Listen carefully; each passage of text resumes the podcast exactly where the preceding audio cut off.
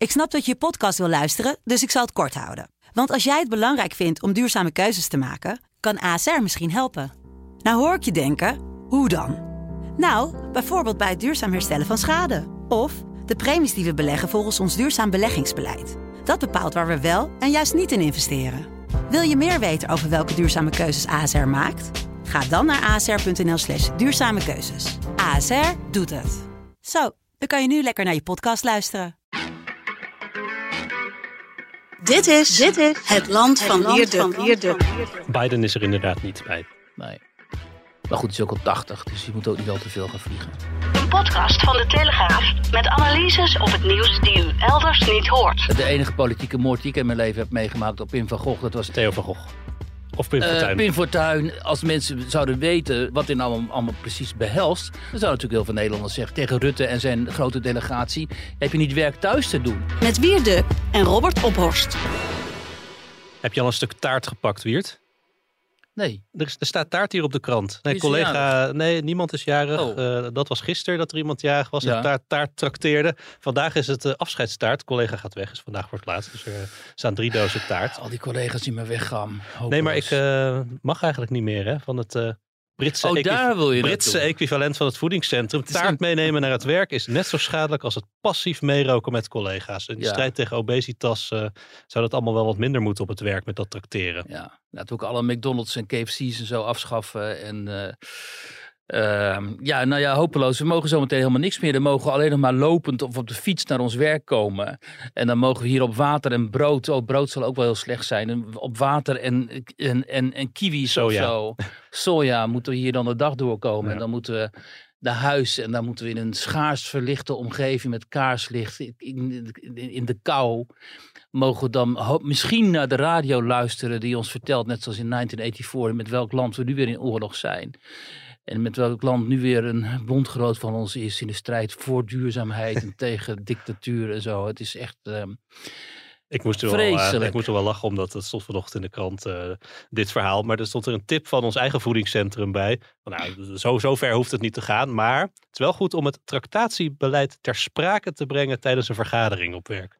Ja, want we zijn allemaal kinderen, net zoals op de kleuterschool. Hè? Al die kleuters die gaan dan tracteren en die mogen dan geen snoep meer meenemen. Wat ik heel goed vind Is trouwens. dat ook op de school van jouw eh zoontje ja, zo geweest? die kinderen die nemen niet echt meer eh bergen snoep mee en zo. Dat is meestal toch wel iets gezonds. Daar is het al En- zover. Nou, dat, kijk, dat is ook heel goed. Maar is dat vanuit de school of vanuit hunzelf? Nou, heel veel ouders die vinden dat ook. En eh, het- je gaat ook geen lo- lollies meer uitdelen en zo in zo'n klas, toch? Maar eh, het, het ergelijke hier is dat volwassen mensen de hele tijd maar andere volwassen mensen denken te moeten betuttelen. En die betuttelaars, dat is een hele kleine fanatieke groep verschrikkelijk vervelende mensen. Die vinden dat de samenleving moet worden ingericht volgens hun normen en waarden.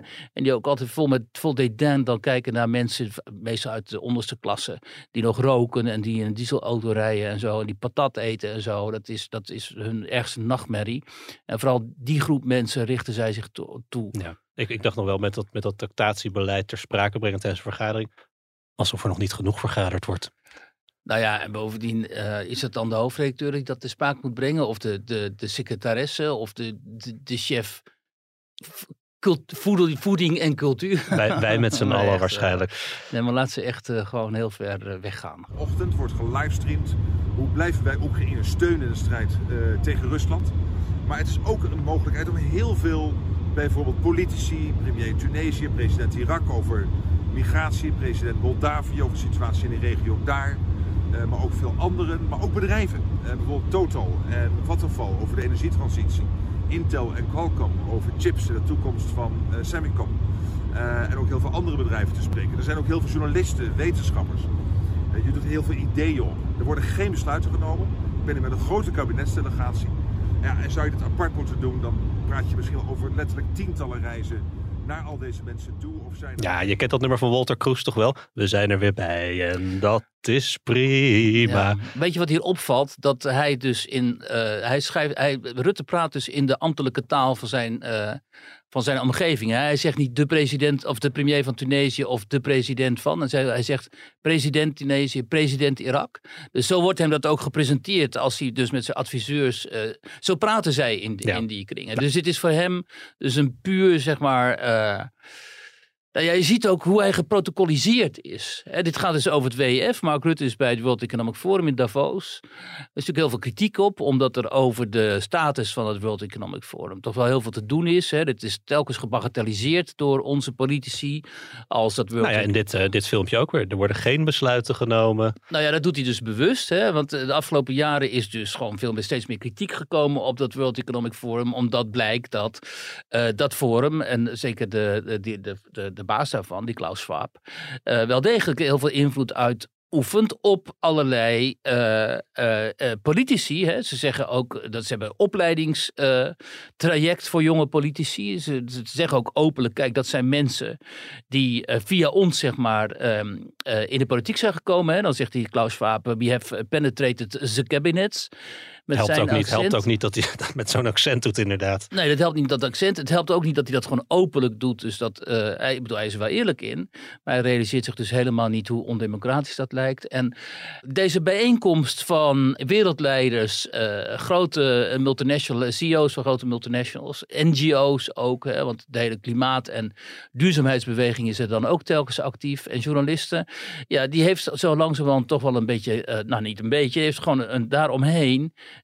er zijn allerlei vragen gerezen. Wat is de legitimiteit hiervan? Wat is de invloed hiervan? Als je ziet dat het World Economic Forum tot in het Nederlands kabinet ook via Sigrid Kaag en anderen gewoon mensen heeft zitten die uh, dingen voor hen doen. Hè? Uh, dat en wat je... bedoel je met via Sigrid Kaag hebben ze mensen zitten hier die dingen voor hen doen? Nou, ze hebben dus, die zit gewoon panels voor en zo. Oh, zo. En dan zijn, als je die documenten ziet, dan zie je dus dat ze ook uh, met ministeries en zo gewoon deals. We zijn wel goed vertegenwoordigd daar, want Rutte is er dus, maar ook Kaag, Hoekstra, Olongren, Van Gennep, Schijnemacher, uh, staatssecretaris Heijnen van uh, Infrastructuur. Allemaal, uh, allemaal onderdeel van die kabinetsdelegatie. Ja, dat is dus een veel te grote delegatie. Maar we hoeven niet te vrezen, want wie er ook is om alles in de gaten te houden, Thierry Baudet. Goedemorgen allemaal, ik zit in het vliegtuig, de vroege vlucht met Swiss Air, trouwens half leeg. Want ik dacht, ja, waarschijnlijk zit dan iedereen die naar Davos gaat verder in een private jet. Maar het is dus bijna helemaal leeg vliegtuig en uh, ik ga naar Davos om te kijken wat er aan de hand is. Ik ga verslag doen, ik ga jullie van alles vertellen over de geschiedenis van het World Economic Forum, wat de plannen zijn, de Great Reset, Klaus Schwab, allemaal komt het langs. En heb je vragen, specifieke vragen, stuur die dan in de comments onder deze tweet of stuur een DM. De hele dag ben ik bereikbaar en doe ik live verslag. Tot gauw. Ja, nou ja, Baudet is een van de Forum voor Democratie is een van de grootste critici van dit. Uh, wilde ik hem ook voor. Die Pepijn van Houweling heeft allerlei uh, Kamerlid. Heeft allerlei documenten naar boven gehaald. waaruit ook die verbinding uh, blijkt. het, het merkwaardige is dat iemand als Gertjan Segers bijvoorbeeld nog, meen ik, vorig jaar of twee jaar geleden zei. Ik ken het hele World Economic Forum niet en ik heb er niks mee te maken en zo. Dus, dus dat bewust. Wat, en dat is natuurlijk niet zo. Um, Gertjan Segers zit dicht bij het kabinet, dus hij wist drommels goed wat het World Economic Forum is. En we kunnen er wel lollig over doen. En we kunnen wel zeggen, ah, die Thierry Baudet die zit er ook een beetje te stunten met zijn filmpjes vanuit Davos en zo. Om stemming te, te kweken. Dat zal allemaal wel, maar het is echt een, echt, um, een uh, kwestie dit. En het is helemaal de vraag, um, omdat dit is dus bij uitstek het lichaam internationaal, dat die globalistische agenda uitrolt, die indruist tegen de belangen van hele grote minderheden en misschien inmiddels wel meerderheden, ook in onze samenleving. Omdat als je gaat vragen aan, een meer, aan de kiezers, sta je nu achter die plannen hè, van die Great Reset en dat, nou ja, die, wat die Klaus Schwab dus allemaal graag wil en waar mensen als Rutte en zo zich gewoon bij aangesloten hebben. Want die rollen ook die agenda, die Green Deal en die klimaatagenda en zo, rollen ze ook uit over Europa. Dan kun je je afvragen uh, hoe legitiem uh, is dit allemaal? En die vraag wordt niet genoeg gesteld. Want als je die stelt, dan ben je onmiddellijk een wappie. Hè? Of je bent een aanhanger van Forum Democratie. Dus je wordt daarmee, daarmee maak je jezelf verdacht. Hij wordt ook in de media niet gesteld, door de meeste media niet, omdat die media zelf die agenda ook voeren. En die zijn dus gewoon helemaal niet kritisch hierop. Die vinden dit wel uh, prima. Dus er maar een kleine groep mensen die hier wel kritisch op is. En, uh, althans in de, in de media, terwijl onder de bevolking, mijn gut feeling zegt, ook als je ziet, kijkt naar de peilingen en zo, is er wel heel, als mensen zouden weten uh, wat dit nou allemaal, allemaal, precies behelst, dan zouden natuurlijk heel veel Nederlanders zeggen, heb je niet tegen Rutte en zijn grote delegatie, heb je niet werk thuis te doen. In plaats van dat je van Washington, toen hij bij Joe Biden zat, was ongeveer rechtstreeks naar Davos vliegt. Hè? Moet je niet even thuis zijn, want er zijn hier ook allemaal, nou ja, er hebben ook een, een, paar Kamerleden die dit aan de orde stellen.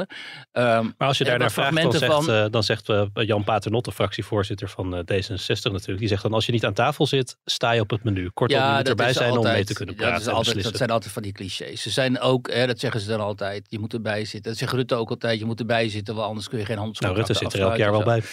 Juist, maar er zijn dus ook politici in de wereld, uh, belangrijke politici ook, die hebben gezegd: we gaan er dit jaar niet naartoe. Want uh, wij willen niet al te dringend geassocieerd worden met meer met het World Economic Forum. En we hebben thuis ook onze achterban, mm die wij. Hè, die, Is er een kentering dan zichtbaar dat, dat, dat het de invloed of de status toch afkalft onder, onder dit soort nee, kritiek? Nee, helemaal niet, juist. En de, wat, er is geen kentering zichtbaar. Er is steeds grotere kloof zichtbaar. En, uh, en die kloof, um, die gaat zich vertalen ook maart uh, bij de Provinciale Statenverkiezingen. Dat zul je zien. En die kloof, dat, die, dat is die kloof die wij hier al veel vaker aan de orde hebben gesteld. Inderdaad, door, tussen die globalistisch denkende, inmiddels mondiale uh, elites, die een eigen agenda hebben geaccordeerd. En die heeft vooral te maken met duurzaamheid en met uh, klimaat. Ja. Is dat een andere agenda dan die Tegenover, ik was net bezig, oh, tegenover mensen, ja. uh, anderen, die een veel nationalere koers willen varen. En die niet zo dringend die klimaatagenda met zo krankzinnig veel miljarden willen accorderen. Dus die willen daar een gematigder beleid in. En die zie je in, inderdaad in Nederland veel meer bij de populistische partijen, dus bij de rechtse partij, maar ook bijvoorbeeld bij links, bij de SP. Maar is dit ook een wezenlijk andere agenda die dan in Brussel uh, wordt besproken, maar die ook in het nationale parlement wordt besproken? Want daar gaat het ook de hele tijd over klimaatverandering. Het is uh, precies dezelfde agenda natuurlijk. Dit is gewoon, dit is Brussel. Uh, de Green Deal van Timmermans, het World Economic Forum, de klimaatagenda die wij hier uitvoeren. Dat is, dat is één op één. Maar dat ehm, zijn niet gewoon de wereldproblemen. Nou, niet als je ervoor kiest om dat in die extreme mate tot urgentie, eh, urgent te verklaren. En ook in die extreme mate bijvoorbeeld afstand, uh, afscheid te nemen van uh, fossiele brandstoffen. En in zo'n radicale mate wind- en zonne-energie te willen doordrijven. En, en zolang ook te, talmen met wat ook duurzame energie is, namelijk kernenergie. Dus er zit gewoon een hele duidelijke ideologische agenda achter. En die uh, is, dat was vroeger de agenda van de milieubeweging en uh, GroenLinks. En die is nu helemaal uitgerold tot diep in de VVD. En um, dus GroenLinks, Partij van de Arbeid, D66, noem maar op, Partij van de Dieren. Die hele, eh, die hele, dat hele cohort zeg maar, aan partijen maakt daar deel van uit. En die hebben uh, en, en, en de grote vraag is in hoeverre die een meerderheid van de Europese bevolkingen vertegenwoordigen. En dan zie je dus in andere landen waar dus de premier of de presidenten zo niet naar het World, World Economic Forum toegaan, dat men daar beter begrijpt, die nationale politici, dat ze dus even op de rem moeten gaan staan misschien, omdat ze uh, niet te veel van hun burgers uh, willen kwijtraken. Ja, welke landen bedoel je dan onder andere? Nou, ik meen dat Macron er niet is, maar goed, dan moet, ik even opzoeken. Maar een aantal, men, een aantal leiders, ook die van Spanje niet, een aantal leiders die uh, normaal gesproken daar wel zijn, die hebben besloten om daar nu niet naartoe te gaan. Of in ieder geval met een gereduceerde delegatie. En die delegatie van Nederland is gewoon heel groot. Um, ik geloof dat zelfs Joe Biden er niet komt. Hè? En, um, maar dan moet, als we dat nou zo meteen even allemaal opzoeken, dan aan het eind van de uitzending gaan we even precies zeggen wie er niet zijn.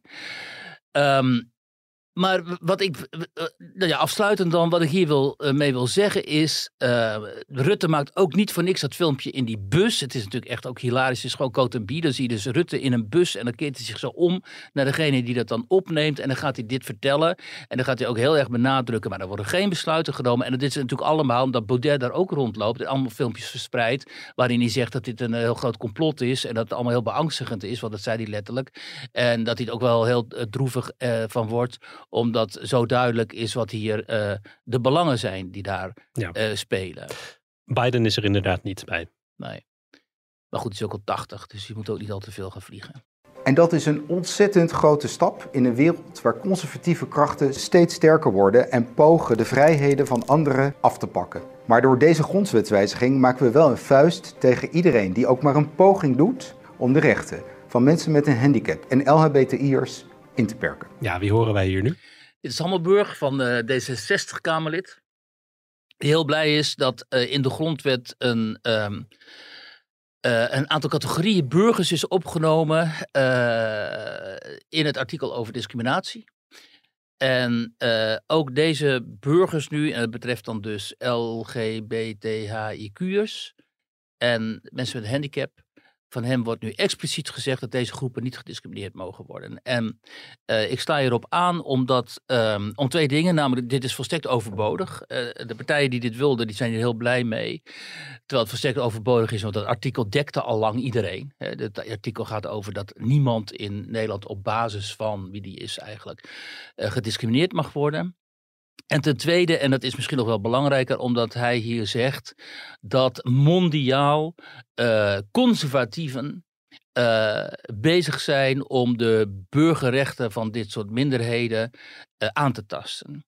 En dat is de, buitengewoon kwalijk, omdat, kijk, als je nou zegt dat antidemocraten dat proberen, of mensen die autoritaire regimes willen vestigen, maar conservatieven, dan heb je het dus over, niet alleen over een hele grote groep gewoon burgers en kiezers, maar over een uh, politieke ideologische ja. stroming, namelijk het conservatisme. Ja, want uh, eerder, de, uh, afgelopen zondag, was Kaag op een partijbijeenkomst, heeft zich uitgesproken tegen extreem rechts. Ja. Wordt steeds gangbaarder en zichtbaarder, zei ze, en is een, een, bedreiging voor de democratie. Sta op en spreek tegen, riep, ze, riep ze mensen op. Nou, en Dat... hier wordt dus die koppeling gelegd dus Kaag die, die, die, die poneert dus aan de ene kant een soort vaag containerbegrip extreem rechts, waarvan we nog nooit precies weten in Nederland wat dat nou precies in wie dat dan zijn en wat dat inhoudt. Er wordt op dit moment heel veel over gesproken, ook door de veiligheidsdiensten en door deskundigen en zo, dat extreem rechts een enorm gevaar zou zijn. Nou, de enige politieke moord die ik in mijn leven heb meegemaakt op Pim van Gogh, dat was, kwam van extreem links. Theo van Gogh. Of Pim Fortuyn. Uh, Pim Fortuyn en uh, overigens ook, uh, nou ja, Theo van Gogh was als een islamist. En de aanslag op Aad Costo kwam ook van extreem links. En de aanslag op Jan Maat, waarbij zijn vrouw notabene een, een been verloor, kwam ook van extreem links. Dus um, ik weet niet precies, misschien dat jij nog herinnert, maar welke aanslagen van extreem rechts wij precies in Nederland te verduren hebben gehad. Maakt ook niet uit. Extreem rechts, net zo kwalijk als extreem links, gaat er niet om. Maar wat Kaag had moeten zeggen natuurlijk, is dat ze tegen elke vorm van extremisme. Ja, uh, maar zij maakt zich heel erg zorgen om Forum voor Democratie. Die partij werd volgens mij later uh, die bijeenkomst ook wel genoemd. Ja, dat zal ongetwijfeld. Nou, vooralsnog zit die partij gewoon in het parlement. En uh, zij willen inderdaad proberen uh, om die partij te verbieden. ik, ik ben erg tegen pogingen om partij te verbieden neemt niet weg dat inderdaad uh, vertegenwoordigers van Vorm van Democratie, vooral Guillaume van Meijeren, uh, behoorlijk opruiend uh, zich hebben uitgelaten de afgelopen tijd.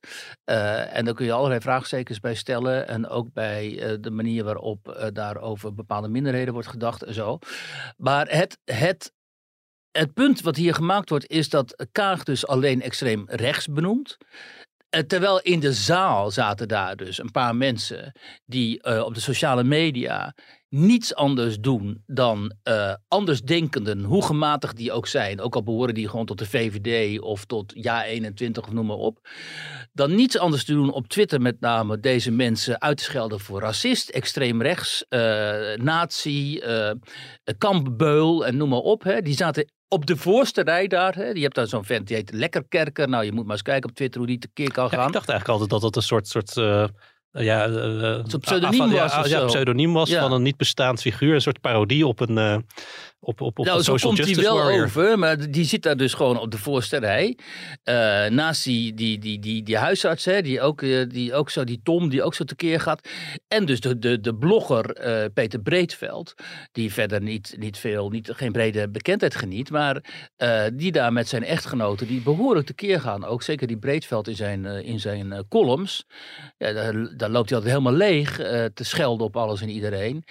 Kijk, als jij pleit voor verbinding en voor verbindingen met allerlei verschillende groepen in de samenleving, dan moet je niet dat soort radicale extremisten uh, in jouw publiek hebben, denk ik dan. Goed, is hun keuze, maar ik vind het dan niet heel geloofwaardig. Vervolgens komt die Hammelburg daar met zijn probleem met conservatieven. Ja, en dat gaat weer een stapje verder, want eh, extreem rechts benoemen en uh, als probleem en oproepen om daar tegenop te staan is één ding, maar als je dat één rechte lijn trekt van extreem rechts naar gewoon, gewoon conservatieven, dan ga je alweer een stapje verder. Ja, en daarom wil ik daarop wijzen, omdat dat dus uh, in, in, de, in dezelfde tijd eigenlijk en in hetzelfde frame uh, komt, hè, die opmerkingen van Hammelburg. En daaraan kun je dus zien hoe geradicaliseerd die partij is. Want je hebt dus aan de ene kant dus dat publiek bij Kaag, waarvan een deel dus echt heel geradicaliseerd is. En, en helemaal niet staat voor verbinding, nieuwe bestuurscultuur en, enzovoort, enzovoort. Helemaal niet. Die staat juist voor uitsluiten.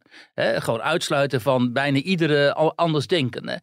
En dan komt Hammelburg daar en die zegt dus letterlijk van, hè, dat ze paal en perk gaan stellen via dit, deze aanpassing van de grondwet aan conservatieven. Dan heb je dus gewoon tegen wat vroeger ruim vertegenwoordigd was binnen de VVD binnen de christendemocratie. Je hebt gewoon heel veel christendemocratische uh, conservatieven die CDA stemden. Uh, en alles wat daar nog rechts van zit. Dus dat is een heel groot deel van de Nederlandse bevolking dat zich conservatief acht. Ik acht mezelf ook cultureel conservatief. Um, dus ook tegen mij. Nou ja, goed, dat hij tegen mij ageert, dat zullen de meeste, eh, misschien mijn luisteraars, maar heel veel andere mensen zullen dat wel oké vinden. Maar je hebt het dus ook gewoon eigenlijk over mensen als uh, ja, noem iemand eh, Pieter Omtzigt, hè, die, die zich ongetwijfeld in heel veel opzichten ook als een conservatief. we hadden het hier uh, vorige keer nog over die uh, campagne tegen polarisatie. Dit is toch ook gewoon polariserend? Ja, dit is enorm polariserend. Omdat uh, het, zeg maar, de, de, de, groot, de, belangrijkste liberaal-conservatief van onze tijd, zo ongeveer Frits Bolkestein, denk ik geweest. Uh, je polariseert dus nu ook met, met iemand zoals hij. En, en, of met mensen als Kinneging. Kijk, Kinneging, de, de, de, de denker en wetenschapper Andrees Kinneging aardsconservatief. Maar het is natuurlijk, natuurlijk geen niet een antidemocraat. En wat die Hammelburg hier vergeet of hij dat nou bewust... Kijk, als hij bewust doet, is het heel kwalijk. als hij bewust conservatieve zegt in plaats van antidemocraten. Als hij dat niet bewust doet, is het heel dom. Dus het is één van beide. En ik vrees dus, omdat die verkiezingen eraan komen en zo, en, dat ze, en omdat ze vanuit D66 zo aan het polariseren zijn al een hele tijd, dat het bewust is. en dat ze dus ook echt een hekel hebben. Dat, dat, dat vind ik ook altijd merkwaardige. Dat merk je ook altijd in de directe contacten die je dan met mensen hebben, hebt, die dan kritiek op jou hebben, in dit geval mij en zo. Dat ze echt een, een hekel hebben aan dat geluid. Ze verdragen het gewoon niet. Ja. ze verdragen gewoon niet als ze mensen zeggen van joh, bijvoorbeeld over het homo nou, dat, dat valt me wel op inderdaad. Want dan, als je wel eens met mensen in gesprek bent, hoor je wel eens uh, van, oh, wiertuk. Vreselijk, vreselijk. Ja, oh, en dan, maar dan vraag ik wel eens van, van het is niet dat het nou dagelijks gebeurt of zo, maar dan vraag ik van, oh, maar wat vind je dan zo erg? En dan is het eigenlijk gewoon er komt er niet echt een, een helder antwoord, maar dan is het gewoon ja, jouw, jouw mening. ja, ja. Nee, maar weet je, het, het, het, kijk, en dat is ook het, uh, als laatste hier dan over.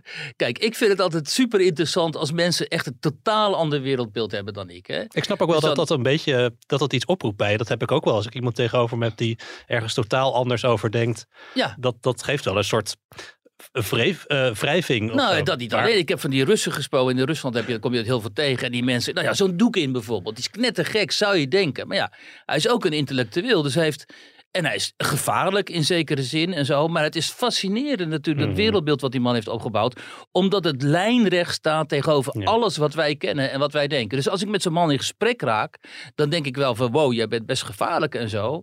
Maar ik denk wel, nou ja, dit is toch ook wel heel interessant om eens een keer met zo'n vent te praten. Maar deze mensen, als jij al tegen zo iemand zegt... Hè, zo, ik, ik, ehm, eet vlees en ik ga met het vliegtuig op vakantie. Nou ja, als je zegt zo het homohuwelijk bijvoorbeeld. Er zijn natuurlijk heel veel christenen die zeggen, ja, het homohuwelijk, dat, dat vind ik eigenlijk vol volgens de Bijbel, uh, moslims trouwens ook, kan ik daar niet mee uh, akkoord gaan. Nou joh, dan worden ze woedend natuurlijk. En, en, maar waarom zou je woedend worden? Hè? Um, bovendien in een democratie. Een democratie bestaat uit de bescherming van. Dat is essentieel in een democratie. De meerderheid beschermt de minderheden. Dat is het democratische er juist aan. En als je dan de hele tijd minderheden zit af te zeiken, want daar komt het op neer, en te beschimpen. en pogingen doet om hen te vernederen, wat in deze tijd dus permanent gewoon het geval is. ja, dan ben jij de antidemocraat. En daar kunnen we het bij laten. Dus ik was hierboven was ik door het raam gaan kijken. En toen uh, stonden er allemaal mannen, allemaal ja, half afgedekt. En uh, hier allemaal herrie en uh, bussen en auto's. Um, ja, het was voor mij en mijn meiden was het echt wel eventjes um, ja, spannend. Ja. Het zijn um, Syrische mensen en eigenlijk hele vriendelijke mensen. Dit hadden wij echt gewoon nooit verwacht dat, ja, dat, dat dit soort mensen hiernaast wonen. Ik, ik genoot hier toch wel van hoor, moet ik zeggen. Maar de, de, de volledige vaderlandse pers die leek deze week afgereisd naar uh, Arkel. Daar werd natuurlijk een 37-jarige Syrische vluchteling gearresteerd. Die volgens justitie uh, een veiligheidschef van IS is geweest. Maar dan zo'n buurvrouw die uh, eigenlijk in alle, alle, Ze stond ook bij ons in de krant. En ze was op alle, in alle programma's en in alle, alle journaals. Mooi om te zien. Maar ja, eigenlijk wist ze ook niks. Nee, want, nee precies. Dus, um, Ken jij je buren een beetje? Ja. Ja, die ken ik wel. Uh, um, ja, en uh, ik woon in een hele leuke buurt met uh, aardige mensen. Dus, uh, ja, je had vroeger zo'n prachtig programma op AT5 of een item. Dat, dat vroeger ze altijd van, kent u uw buren? Dat is natuurlijk in zo'n grote stad als Amsterdam. Heel veel mensen die hadden echt, echt geen flauw idee. Ja, we zeggen wel eens gedag en we kennen elkaar van gezicht. Maar wat weten, wat weten we nou eigenlijk echt van elkaar? Ja, maar dat was hier dus ook het geval.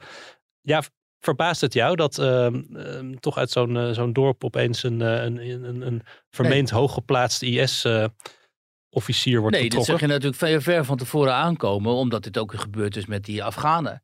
Hè, destijds kwamen Afghaanse vluchtelingen in Nederland. Er zaten ook allemaal martelaars onder. Die gewoon uh, mensen hadden kapotgeschoten en uh, mensen hadden gemarteld en zo. Er zaten echt van die slachters tussen. Dat bleek dus ook later. Dus toen die Syriërs kwamen, ja, de, een beetje realist en iemand met gezond verstand. Die weet natuurlijk dat tussen die vluchtelingen ook dit soort types zitten. Maar ja, toen had je weer die Judith Sargentini van, uh, was D66 of GroenLinks? Zij zat van 2009 tot 2019 namens GroenLinks in het Europees Parlement. Ja, nee, laten we die tweet er gewoon nog even bijpakken. 2015.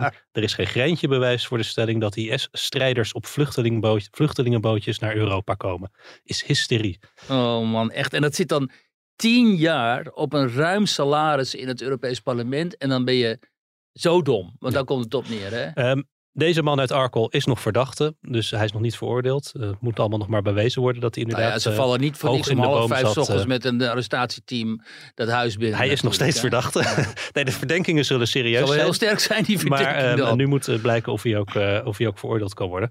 Ja, um, dat moet wel even gezegd natuurlijk worden. Dat het heel goed is dat dus die vent opgespoord is.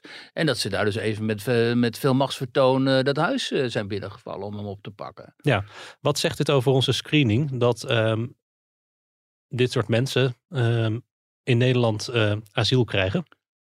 Ja, dat die screening uh, niet goed is. En uh, dat zo'n commentaar hebben wij ook in de krant vandaag. Hè. En, en dat die screening, dat er dus mensen door het net komen die daar niet doorheen moeten komen. Maar je, je, de, de, de druk is ook zo groot en de toestroom is zo groot dat je nauwelijks natuurlijk al die mensen niet kunt screenen. En dan lees ik ook dat Sil van Schoonhoven, onze collega, die, uh, Niels Richter had zo'n verhaal in de krant. En daar staat er dan ook in dat ja, die telefoons of die, die gegevensdragers, die kunnen dan niet worden gescreend, want die zijn er in het Arabisch en zo. Daar hebben ze kennelijk niet genoeg tolken om er even goed naar te kijken en zo. Um, maar ik zal je één ding zeggen. Ik heb dus, die, heb, die, die dame heb ik hier al vaker aangehaald. Ik heb dus in Duitsland een vriendin en die zit hoog in die uh, Duitse um, screenings. Uh, dienst, migratie. Zij werkt bij de Duitse IND. Juist. En zij is, uh, zij is Palestijns, Duits en zij vertaalt dus. Dus en zij, zij spreekt ook Arabisch. Ze spreekt heel goed Arabisch, wel vloeiend. En, en die is helemaal niet rechts of zo, is gewoon links. Hè. Die is, wel conservatief? Ook niet. En die zegt tegen mij, ze, iedereen liegt. Iedereen die ik spreek en die ik moet interviewen, liegt. En dan niet omdat ze een IS-verleden hebben, maar ook omdat ze dat ze land voor, in wilden natuurlijk. Ook als ze voor de oorlog op de vlucht Omdat zijn. ze een status in Duitsland willen krijgen. Dus ze maken het als oorlogsvluchteling maken ze het verhaal erger. Er zijn vrouwen die zeggen ik ben zwanger. Ja, dan moeten ze worden getest, zijn ze niet zwanger.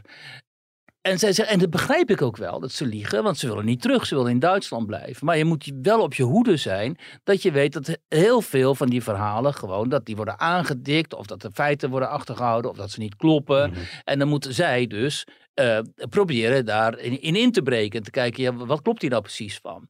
Dus het is ook bijna een onmogelijke taak als de toestroom zo krankzinnig groot is en al die mensen moeten worden geïnterviewd, geïnterviewd en je hebt niet genoeg tolken om te achterhalen wie nou precies wie is. Maar dat is nu ook precies het probleem.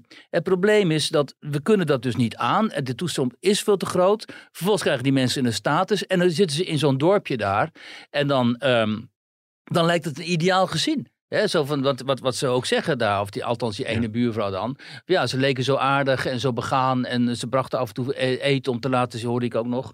Eten om te laten zien hoe dat ze dat in hun cultuur dan dat doen. Dat was ook wel een, dramatische voorbeeld van die Bali-jihadist. Nou ja. Die dan herkend werd door nou ja, bijna zijn eigen slachtoffers. Ja, precies. Dat was het verhaal. Hè. In de Bali, in Amsterdam, dat, dat debatcentrum was zo'n bijeenkomst.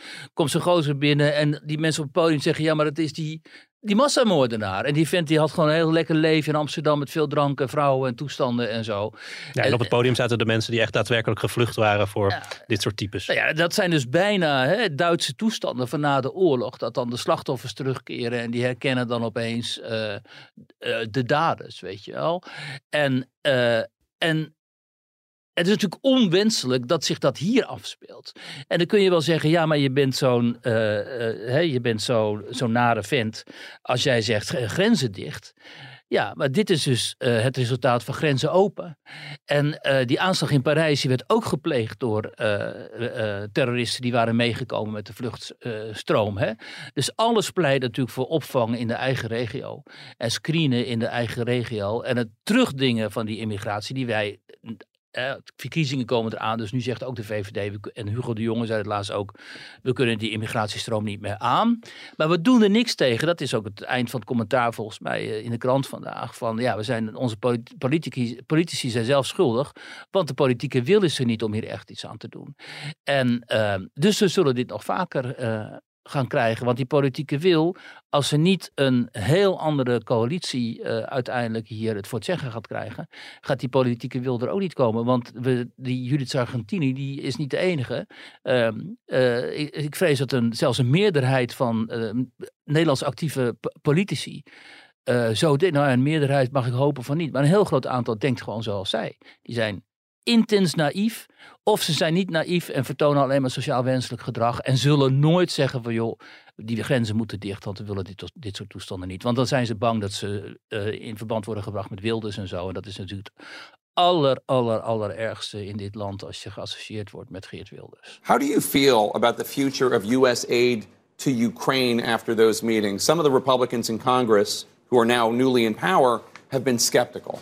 Extremely positive. I must say that President Biden is very much focused on this. We totally agreed that we can only stop uh, when the war stops and with a successful outcome for Ukraine. So the end has to be successful for Ukraine, Russia losing it, uh, losing the war. Ja, dit was Rutte op bezoek bij CNN, Jake Tapper. Ja, in Nederland worden wel eens als iemand uit het zuiden komt en die is op de publieke omroep, dan wordt hij ondertiteld. Ja. Um, ik ben benieuwd of dit eigenlijk werd ondertiteld voor de, voor de Amerikanen. Dat Engels van um, Rutte, dat, volgens mij heeft hij gewoon opgegeven. Hij, hij denkt gewoon, ja, het accent ga ik niet verbeteren. Dus weet je wat, ik hou gewoon die steenkool in mijn mond. En, uh, en want het is grammaticaal wel correct, maar qua accent gaat natuurlijk helemaal nergens meer over. Nee, ben, ben, en het wordt ook steeds erger. Ik ben dan benieuwd eigenlijk of, of, of, of dit wel goed te verstaan is voor uh, Amerikanen. Ja, nou ja, hij schijnt wel enige status te hebben in Amerika. Ze, ze verstaan hem ongetwijfeld. Maar het is zo raar dat, die, dat, die, dat het steeds erger wordt. Hè? Dat, uh, maar goed. Uh. We gaan um, meedoen met het leveren van uh, Patriots uh, met, met Duitsland en de VS aan Oekraïne. Of we dan echt daadwerkelijk Patriots gaan leveren, dat moet, nog, dat moet allemaal nog maar blijken. Of een deel van de techniek, of mensen, of kennis. Dat, dat hield Rutte hier ook een beetje in het, in het midden.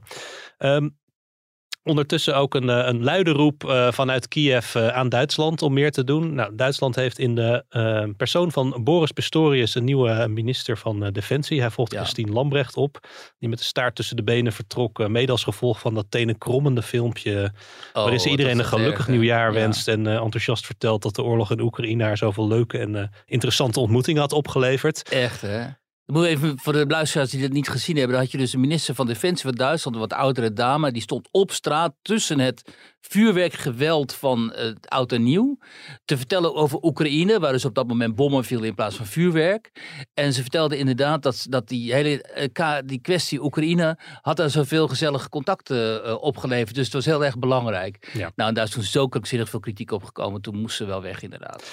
Maar Pistorius is dus ja, belangrijke post. Um, want uh, nou, wat ik zeg, ze kijken in, uh, in Kiev toch heel nadrukkelijk naar Duitsland, grootste economie van Europa. Die zijn tot nu toe behoorlijk uh, um, um, nou, voorzichtig als het gaat om wapenleveranties. Gaat dat nu veranderen, denk jij?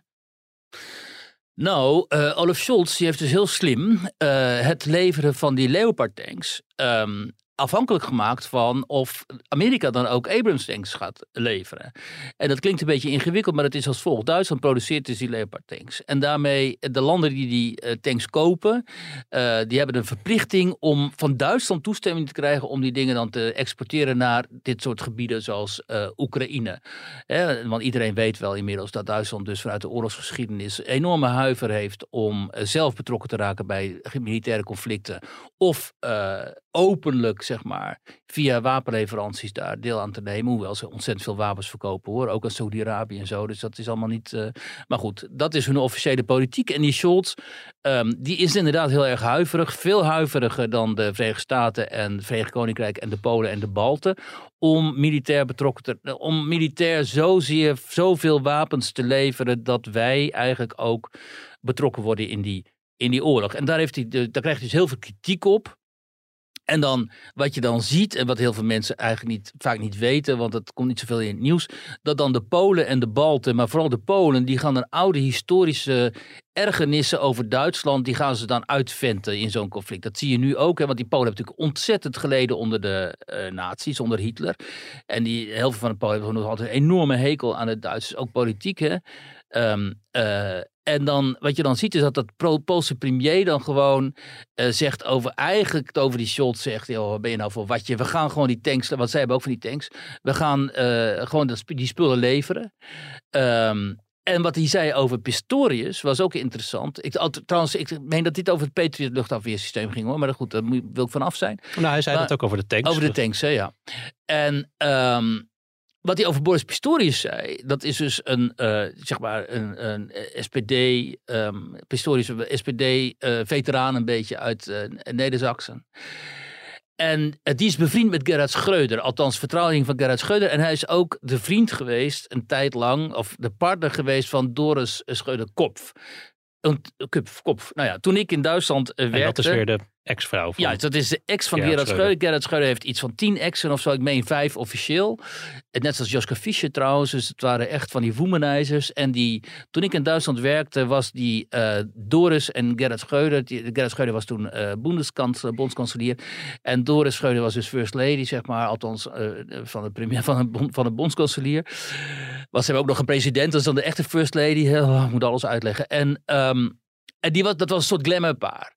Omdat zij was jong, journalist en zo. En ze zag er best wel goed uit. Um, maar goed, uiteindelijk zijn die twee ook gescheiden. En uiteindelijk is zij dus ook een tijd lang dan de partner van deze Boris Pistorius geweest. En toen zei dus die uh, premier van Polen, die zei letterlijk van het is wel problematisch die Pistorius, want we hebben net gevraagd wat vind je van die nieuwe aanstelling. Hij zei nou dat is wel problematisch, want die Pistorius is dus een vertrouweling van de grootste schande van deze tijd en dat is Gerhard Schreuder, het vriendje van Vladimir Poetin, die met hem keuvelt over van alles en nog wat in plaats van uh, Poetin tot de orde te roepen. En dan moeten mensen weten dat Gerhard Schreuder inderdaad een hoge positie bekleedt uh, onder Poetin in het uh, Russische energiewezen en eigenlijk bevriend is met Poetin en hem ooit een loepzuivere de democraat heeft genoemd. En hem ook uh, niet laat vallen. En hem niet laat vallen. Um, uh, tot nog toe nog steeds niet. Hij heeft wel kritiek gehad uh, op die inval. Maar hij vraagt ook voor een soort van begrip over de Russische positie. En dan zie je dus hoe die, um, hoezeer die Oost-Europese landen, die in het verleden enorm hebben geleden, zowel onder de Duitsers als onder de Sovjet-Russen, um, die oude historische irritaties gewoon openlijk op tafel gooien. En morgen is die bijeenkomst, vrijdag, waar die NAVO-landen moeten gaan besluiten over wat gaan we nou leveren. En dan komt dit uh, dus allemaal uh, ter sprake. Uh, maar wat ik dus wel heel slim vind aan, uh, aan uh, Olaf Scholz, die heeft gezegd: Oké, we willen dan wel die tanks leveren, maar dat willen we als een soort Europees initiatief of een, gezamenlijk initiatief met andere landen. we willen dat niet alleen doen. En we willen ook dat die Amerikanen die tanks gaan leveren. En Biden wil die Amerikaanse tanks niet leveren, want die hebben zo'n hoogwaardige technologie.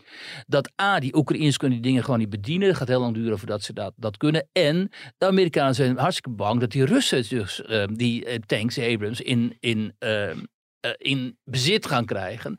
En dan een kijkje kunnen nemen in die keuken van die Amerikaanse wapentechnologie. Dus uh, dat is ook wel weer um, heel interessant, vind ik. Um, maar ja, wat uiteindelijk natuurlijk hier het belangrijkste punt is, omdat. Um, of een belangrijk punt is ook dat de Oekraïners willen ook die Patriots, hè, ook van Nederland. En Rob de Wijk, die zei niet voor niks uh, gisteren, ben ik bij op 1. Van luister, als wij die Patriots gaan weggeven, dan zijn gewoon onze havens onbeschermd. Rotterdam en Vlissingen. En dat zijn doelen. Als wij in conflict komen met Rusland, en kennelijk zijn we inmiddels al helemaal niet meer bevreesd om ook partij te worden in die oorlog. Want we leveren steeds zwaardere wapens en de oorlogsretoriek is steeds luider. En inmiddels zegt Poetin al, ik ben niet meer in oorlog met Oekraïne, maar met de NAVO. Dat vinden dus ook echt heel veel Russen. Heel veel Russen die je kent, die zeggen ook, ja, we zijn gewoon in oorlog met de NAVO, via Oekraïne. Um, dus wij vechten nu die, die oorlog, die oorlog tussen met het Westen vechten wij nu uit op het Oekraïnse slagveld. Nou ja, uh, als we die Patriots niet hebben, zijn die havens onbeschermd. Uh, dus Rob de Wijk maakt dan een, een, een, terecht een punt van. En dan krijgt hij weer zoveel shit over zich heen. Van mensen die hem dan een lafaard vinden. En een Poetin-apologeet. Uh, en weet ik veel wat. Terwijl die man gewoon rationele afwegingen maakt over onze nationale veiligheid. Daar komt het op neer. Maar het is al heel lang uh, uh, bestaat er nauwelijks nog een poging om op een nuchtere, uh, rationele manier over dit conflict te praten. Het is een en al emotie. En die emotie wordt dus ook heel sterk aangejaagd vanuit die Baltische landen en vanuit Polen, omdat die ja. wraak willen nemen op de Russen. En vanuit, als laatste vanuit de Verenigde Staten, omdat die Amerikanen, wat ik hier al vaker heb gezegd, die zien hier hun kans schoon om met dank aan de Oekraïners um, uh, Poetin te ondermijnen ja. en Poetin te militair te verzwakken. De, de, Poolse premier gaf in zijn pleidooi ook nog even een, een, trap aan Rusland door te zeggen van jullie hebben deze, in ieder geval die energiecrisis mede veroorzaakt, de instabiliteit die er nu is door jullie energiepolitiek de, de, afhankelijkheid van Russisch gas zo te verhogen de afgelopen decennia. Nou, weet je wat ook? Ik kwam een heel interessant uh, artikel tegen, ik kan nog wel even over vertellen. Uh, met interview met uh, Emmanuel Tot, dat is een Franse intellectueel, de linkse intellectueel trouwens die, eh, zoals alle Franse linkse intellectuelen, heel kritisch is, ook Duitse linkse intellectuelen, kritisch is op de rol van de Verenigde Staten natuurlijk. En die zei dus, uh, over, die sprak ook over dit conflict. Um, en die gaf, die zei gewoon uh, over die Nord Stream sabotage, die, die pijpleiding die is opgeblazen zei hij, hoe kan het nou in godsnaam... Want hij, hij had het dus over zeg maar, de, de, de perceptie in de media van dit conflict. En toen zei hij, hoe, hoe kan het nou toch zijn dat in de publieke opinie en in de media... het beeld heeft postgevat dat Rusland zijn eigen pijpleiding heeft opgeblazen. Wat inderdaad een heel rare gedachte is. Hè? Maar dat dus de, door, allerlei woordvoerders en allerlei... Um, mediale ook, zeg maar, met nou, columnisten, noem maar op uh, de opvatting in onze breinen is geplaatst van, oh nee, dat is Rusland geweest. Hè? Terwijl hij zegt, natuurlijk zijn dat de Verenigde Staten in samenwerking met de Britten en de Polen geweest. Notabene Radek Sikorski, die in dit hele conflict vanaf het begin een hele belangrijke rol heeft gespeeld, samen met die Zweed Karel Bildt. dat heb ik ook al vaker hier verteld. Karel Bildt was buitenlands, minister van Buitenlandse Zaken van Zweden. Sikorski was dat van Polen. Die waren actief destijds op de Maidan in 2014. En die twee waren die waren de, de, de, grondleggers ook van die associatieverdragen, weet je nog, waar dit hele conflict ook uh, min of meer mee begonnen is.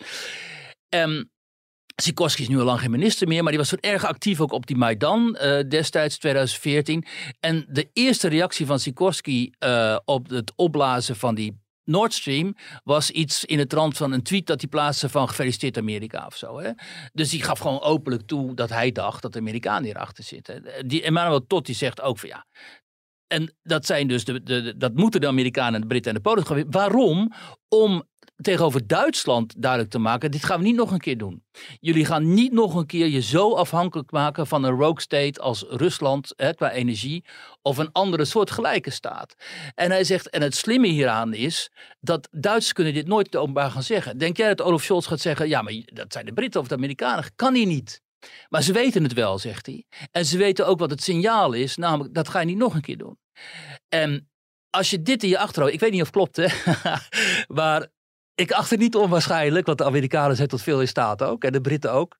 Eh, en de Polen ook trouwens. Dus ik acht het zeker niet onwaarschijnlijk. Maar als dit zo is, dan weet je ook in wat voor positie Olaf Scholz zit. Hè? Namelijk die, eh, die denkt van...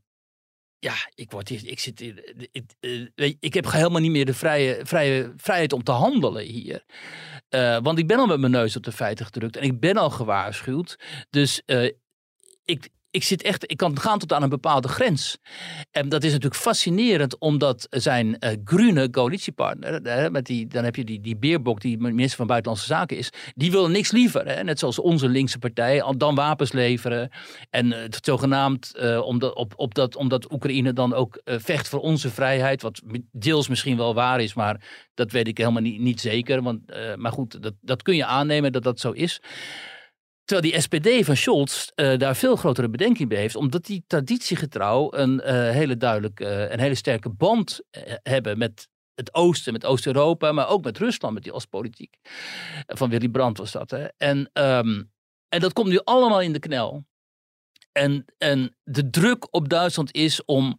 Neem nu afscheid daarvan. Neem afscheid van twee dingen: van je oorlogsverleden, van je oorlogsschuld en van die eeuwige hang beetje romantische hang richting Rusland, hè, die ook wel gevoed wordt vanuit anti-Amerikanisme of kritiek op Amerika, maar die eeuwige hang naar Rusland als toch een mogelijke betrouwbare partner, hè, waar Angela Merkel nu ook van beschuldigd wordt dat ze Ru- dat zich veel te afhankelijk heeft gemaakt van, van Poetin. En die, als, om af te ronden dan die tot, die zegt dan van kijk, en die Nord Stream, dat was het allerduidelijkste signaal, kappen nu.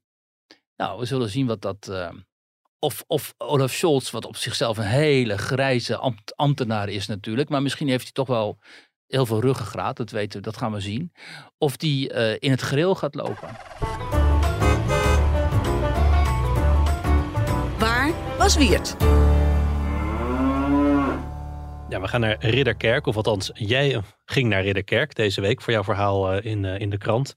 Nabestaanden claimen daar dat de gemeente Ridderkerk eh, grafstenen heeft geruimd zonder hun medeweten. Klopt. Een luguber verhaal. Ja, en ook een heel eh, triest verhaal. Eh, want dat is namelijk, dat gaat om het volgende. Op elke begraafplaats natuurlijk worden op een gegeven moment graven geruimd. Als de periode van het grafrechten is afgelopen en er komt niemand meer die zegt van ik heb nog, eh, wil de verantwoordelijkheid nemen voor het graf of ik ben rechthebbende. Ja, dan worden die graven geruimd, komen er nieuwe mensen in. Maar hier gaat het om een aantal mensen die in Ridderkerk op een gegeven moment eh, op de begraafplaats eh, Vredehof kwamen. eh, op zoek naar hun eh, ouders in dit geval. En die zagen, hey, die stenen niet meer. Ja, terwijl dat grafrecht nog geloof minimaal Ja, tot dat- 2030 door. Precies, terwijl het grafrecht nog, nog doorliep. Dus die dacht, wat is hier nou gebeurd? Dat gaat in, ik heb dan twee gevallen behandeld, maar er schijnen nog meer gevallen te zijn. Dus die gaan op een gegeven moment dan eh, op die begraafplaats navragen. En eh, tegen die eh, dames in dit geval werd gezegd van ja, jullie hebben je niet gemeld als rechthebbende. De gemeente heeft wel brieven gestuurd. Eh, waarin ook staat van als je niet antwoordt, dan eh, gaat, vervalt het graf aan de gemeente. En dan heeft de gemeente houdt zich het recht voor om dan in ieder geval die monumenten te verwijderen. Ja, misschien is het een beetje te bureaucratisch, maar waarom werden die brieven dan überhaupt gestuurd als gewoon dat grafrecht nog jarenlang geregeld was? Nou, dat is dus een hele goede vraag. En dat, heeft er dan mee te maken dat, dat eh, in, in dit geval, in het ene geval, was dat graf eh, van de moeder. Die is daar begraven. En de vader had dat allemaal geregeld. Maar toen is die vader ook overleden. En toen heeft de dochter eh, de crematie geregeld en de urn. En die urn is op die steen gekomen die daar al lag. Eh, maar die dochter heeft zich nooit laten registreren als rechthebbende. En dat moet dan volgens de gemeente. En precies wat jij zegt, zegt die dochter ook van luister eens, ik heb toch die urn besteld. Ik heb die factuur voldaan. Dus ehm, in alle opzichten is het duidelijk dat ik, ik hier, dat ik hier de verantwoordelijkheid heb voor dit graf. En als na enige nabestaande ook de rechthebbende ben. Maar ja, dat is dus die ambtelijke molen in Nederland. Die gemeente stuurt dan een brief en zegt: U moet zich laten registreren. Nou, dat doet ze niet, want ze was heel ernstig ziek. Er zat helemaal geen zin en energie en geen tijd voor dit soort ambtelijk gedoe. Die dames begrepen die brief ook helemaal. Ja, deze dame wel, maar die andere dame die ik heb geïnterviewd, die begreep de brief niet eens. Dus hij heeft nagelaten, ook na drie brieven van de gemeente, om zich te melden. Zij zegt overigens zelf, die ene dame, dat ze die brief helemaal niet gehad heeft. De, gemeente betwist dat en de rechter, want het is voor de rechter gekomen, betwist dat ook. Die zegt het is niet aannemelijk. Die andere mevrouw zegt, ja, ik heb twee brieven gehad. Ik heb er niet op gereageerd, want mijn zoon kwam in die tijd te overlijden. Die was al maar 36 en die daar ook begraven. En ik had helemaal geen tijd voor dit soort shit. Ik dacht inderdaad, dat is afgekocht voor 20 jaar en we zien dan wel. Nou, uh, de gemeente dacht dus anders en die heeft dus die grafstenen um, geruimd. En nu gaat het erom, um, die ene dame die betwist nu, omdat ze vindt dat ze dus door de gemeente is voorgelogen, die denkt nu, um, mijn moeder uh, ligt daar ook niet meer. En die ja, urn van mijn net, vader, die in de grond zit, die ligt er ook niet. Dat, dat, die grafsteen is weggehaald, maar ja. is dat graf liggen die rest, stoffelijke resten daar nog? Ja, die blijven dan. En da, dat snap ik dus ook helemaal niet. Uh, want die stoffelijke resten, resten die, die verwijderen ze dan pas als het grafrecht is af. De tijdsduur daarvan is afgelopen. En dan denk ik, wat heeft het dan voor zin om wel die stenen te ja. ruimen? Hè, wat is het aan die stenen? Die ene dame die was gaan, gaan kijken al die begraafplaats met de begraafsondernemer. En die ontdekte daar een container. En dan lagen die stenen gewoon in. Maar wat heeft het dan voor zin? Laat dan die stenen gewoon staan, denk ik dan. Maar ja, dat is dus, de gemeente zegt dan, ja, maar dat is dan een soort signaal dat we uh, ook die stoffelijke resten gaan ruimen als uh, die grafrechtperiode is over, over acht jaar. ja, ik vind dat zo onmenselijk. En goed, daarom wilde ik dit verhaal ook schrijven, omdat het is dus voor de rechter gekomen. Die rechter heeft die gemeente volledig uh, in het gelijk gesteld. Die mevrouw die ik sprak, die zit daar op de bank thuis, is hartstikke ziek. dezelfde dag dat ik haar sprak, moest ze nog worden opgenomen in het ziekenhuis. Uh, uh, omdat vocht uh, achter haar longen moest worden afgetapt en zo. Dus, um, en ze is alleen. Dus weet je, je moet als lokaal bestuur natuurlijk niet zo met je burgers omgaan. Dat dan, dan faal je. Nou, nu heeft, nadat dit allemaal in de publiciteit was gekomen, heeft die burgemeester dat ook wel begrepen. Want die burgemeester is met beide dames gaan praten. En die ene dame heeft zich inderdaad nu ook laten inschrijven. En die heeft dan een grafmonument teruggekregen. En het grafrecht blijft gewoon gelden en zo. En er is nu ook een nieuwe grafverordening in Ridderkerk. Um, die wil dat uh, dit soort monumenten niet meer geruimd gaan worden. Ook, ook als ze geen recht hebben zich heeft gemeld. Dus ze hebben er wel van geleerd. Um, maar ongetwijfeld zal het in meer gemeentes in Nederland het geval zijn. En uh, dus als mensen hier uh, luisteren en die hebben ook dit soort rechten op begraafplaatsen van nabestaanden, dan zou ik hen aanraden om even te kijken hoe dat precies ambtelijk allemaal is ja. vastgelegd. Want dat, dat ga ik dus ook doen met mijn ouders nu. Ja, want het is wel een verhaal, weer een voorbeeld van als die ambtelijke molens eenmaal Ah, gaan draaien, hoe je, hoe je door de wieken uh, nou ja, knock-out geslagen kan worden. Ja, even in dat de die ambtenarij, weet je, ik bedoel, het is toch allemaal van een onmenselijkheid. En, eh, en dat kom je zo vaak tegen. Maar ja, die hele toeslagenaffaire, zo gaat het natuurlijk ook over dit soort dingen. En de, de, de, de hardheid waarmee dan vaak gereageerd wordt en zo. Dat is niet per se in deze gemeente hoor, want ik geloof best wel dat, dat ze daar eh, in ieder geval zich hebben bekommerd eh, om de dames. Maar ja, aanvankelijk dus niet. Aanvankelijk denken ze, weet je wat, eh, regel is regel, eh, weg met die monumenten en zo. En, dan, en als laatste dan die, die ene dame die nu dus weer een nieuw grafmonument daar heeft, betaald door de gemeente en zo. Dus toen vroeg ik haar, nou eindgoed, al goed. En dan zegt ze, nee, niet. Want het is niet meer hetzelfde graf. In, in mijn ogen is hier een vorm van grafschennis gepleegd. Ik kijk naar een nieuwe steen.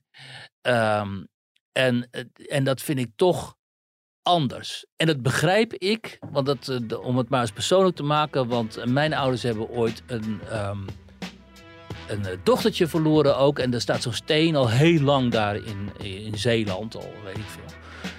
Nou, bijna zo oud als ik, dus twee jaar jonger dan ik en zo. En dan, dat is die steen. En die steen, als dat een andere steen zou zijn, dan is dat gewoon een, een heel ander graf, snap je? Dus ik snap die, heel goed wat die vrouw eh, daar zei. Ja. Het verhaal staat eh, deze donderdag in de krant eh, en online natuurlijk. Wiert, tot zover dan maar. Dankjewel. Dankjewel, Robert.